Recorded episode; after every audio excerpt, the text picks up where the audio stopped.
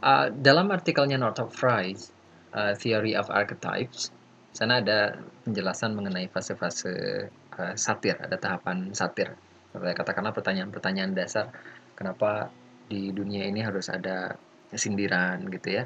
Kenapa apa istilahnya manusia itu tidak sadar dengan dengan kesalahan-kesalahan yang sedang mereka buat gitu. Kita akan uh, lihat, perhatikan di uh, slide di hadapan kalian ada fase from uh, satiric to ironic. Jadi ke hal-hal justru jadi lebih ironis gitu ya. Fase yang pertama ada masyarakat yang tidak menyadari dengan kebodohan mereka. Masyarakat yang lebih nyaman dengan anomali hidup mereka. Ini fase yang pertama ya menurut Fry. Maksudnya akan ada segelintir orang atau bahkan mungkin kita kalian, saya misalkan, merasa tidak sadar dengan anomali itu, dengan injustice, dengan fault mungkin, dengan crimes, itu kita tidak sadar. Sebagai contoh, kalau saya bertanya pada kalian, apakah kalian akan menerima saat ada orang asing menawarkan minuman kepada kalian itu di tempat-tempat umum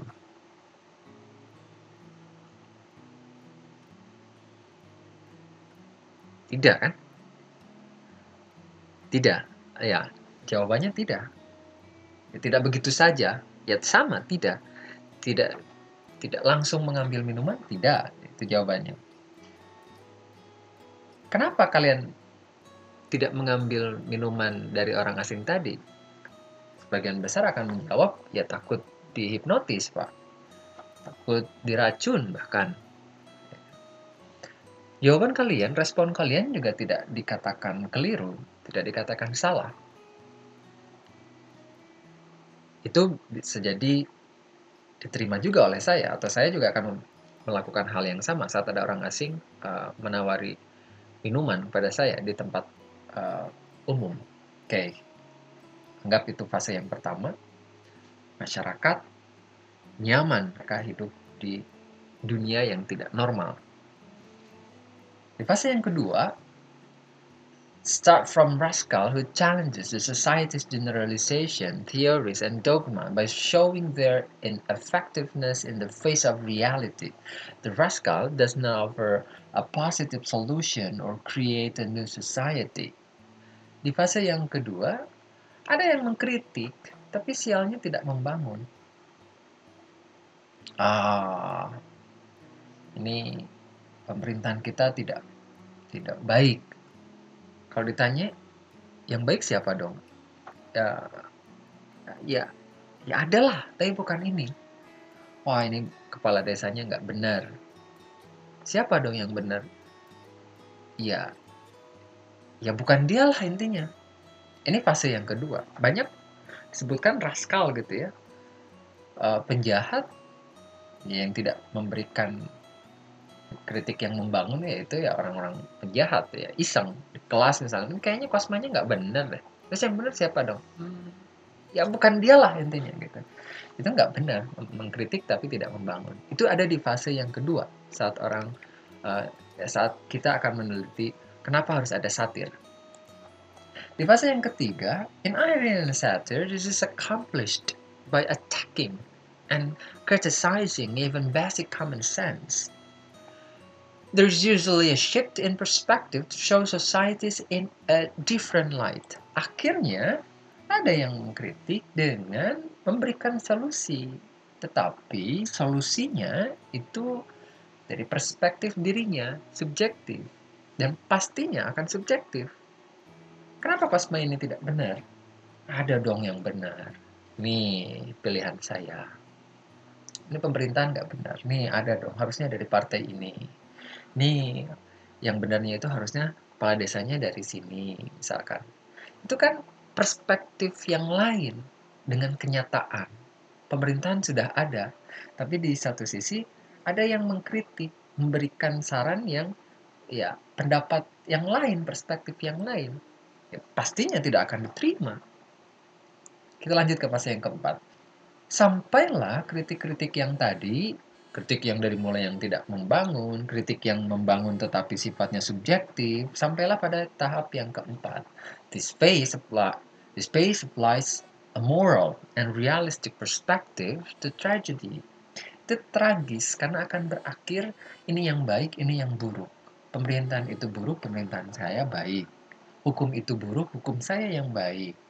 Kepala desa ini buruk, menurut saya kepala desa ini yang baik gitu. Itu kan kaitannya dengan dengan dengan moral baik dan buruk. Dan kalau berbicara tentang baik dan buruk dalam sisi mengkritik ya, itu jadinya tragis. Kita tidak memberikan saran, sekalinya memberikan saran, ada kepentingan kita di dalamnya.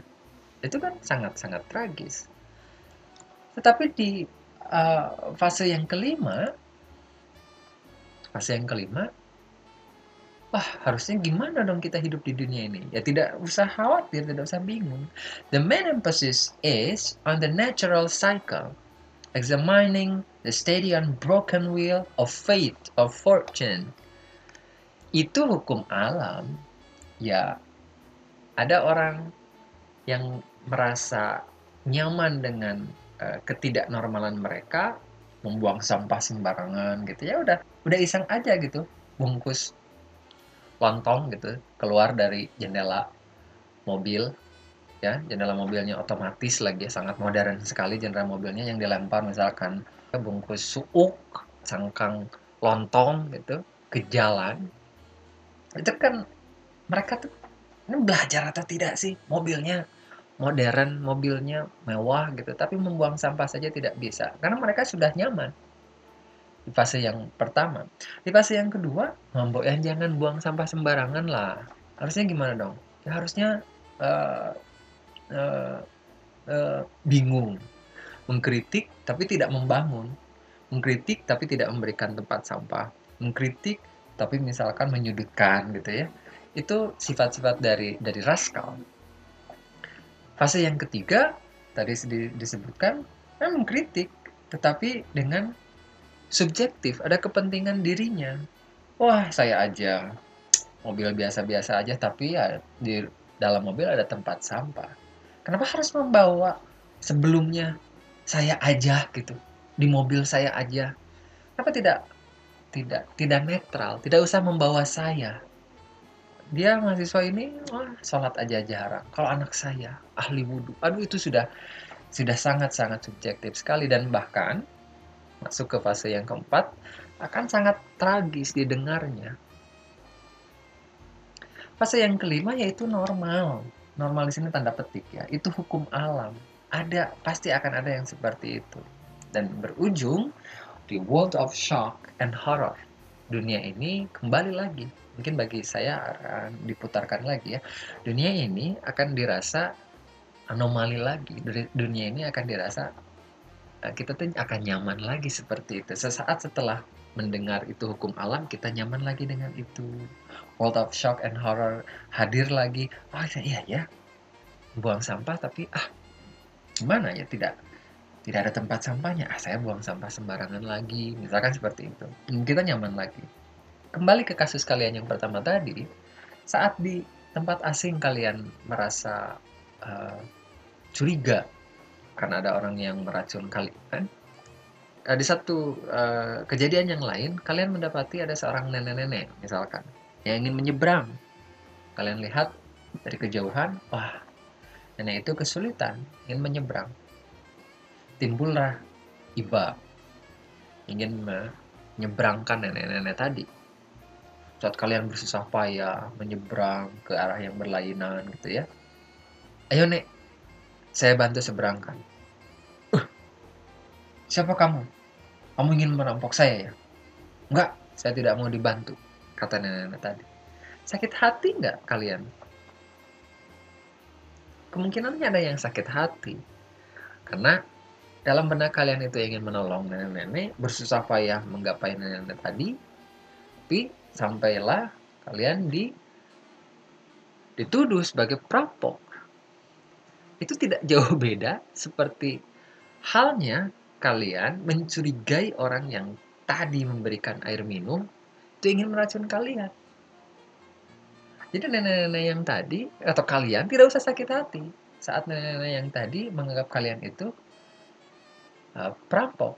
Karena kalian sudah mencurigai satu orang yang ingin memberikan air minum boleh jadi orang itu sadar kita itu kekurangan air misalkan bahkan airnya saja masih disegel tapi kita tidak mau menerimanya. Ya sudah sudah sudah jadi hukum alam. Kalau kalian mencurigai satu orang maka kalian akan dicurigai oleh orang yang lain. Dan itu kita hidup di dunia semacam itu itu fase satir. Jadi satir akan selalu ada tanda petik mengoreksi mengingatkan ada anomali di sana ada ketidakbenaran di sana. Sekalipun yang benar itu menurut subjektivitas kita yaitu kita akan menganggapnya bagian dari satir Oh, nggak akan selesai-selesai tuh Pak kehidupan di dunia ini. Ya menurut kalian kehidupan kehidupan yang nyaman itu seperti apa? Kehidupan yang tidak ada sindir menyindir. Kehidupan yang tidak ada konflik. Kehidupan yang tidak ada perdebatan. Justru itu hidup yang tidak ramai. Justru hidup yang ramai, hidup yang dinamis, ya hidup yang penuh dengan sindir menyindir, konflik di mana-mana, ada uh, tahapan resolusinya, ada tahapan mencari uh, solusinya, ada uh, perdebatan. Oh, saya jadi tahu benar yang mana, salah yang mana, atau jadi tahu manfaatnya yang besar sebelah mana, madaratnya yang kecil sebelah mana. Akan akan seperti itu. Keliru kalau misalkan kita masih mengharapkan dunia yang nyaman, dunia yang uh, tidak ada konflik itu sangat sangat sangat keliru kalau menurut saya termasuk mungkin Otto Fry seorang antropolog ini ya jadi akan ada satir. Nah di sini medianya dengan dengan drama Pygmalion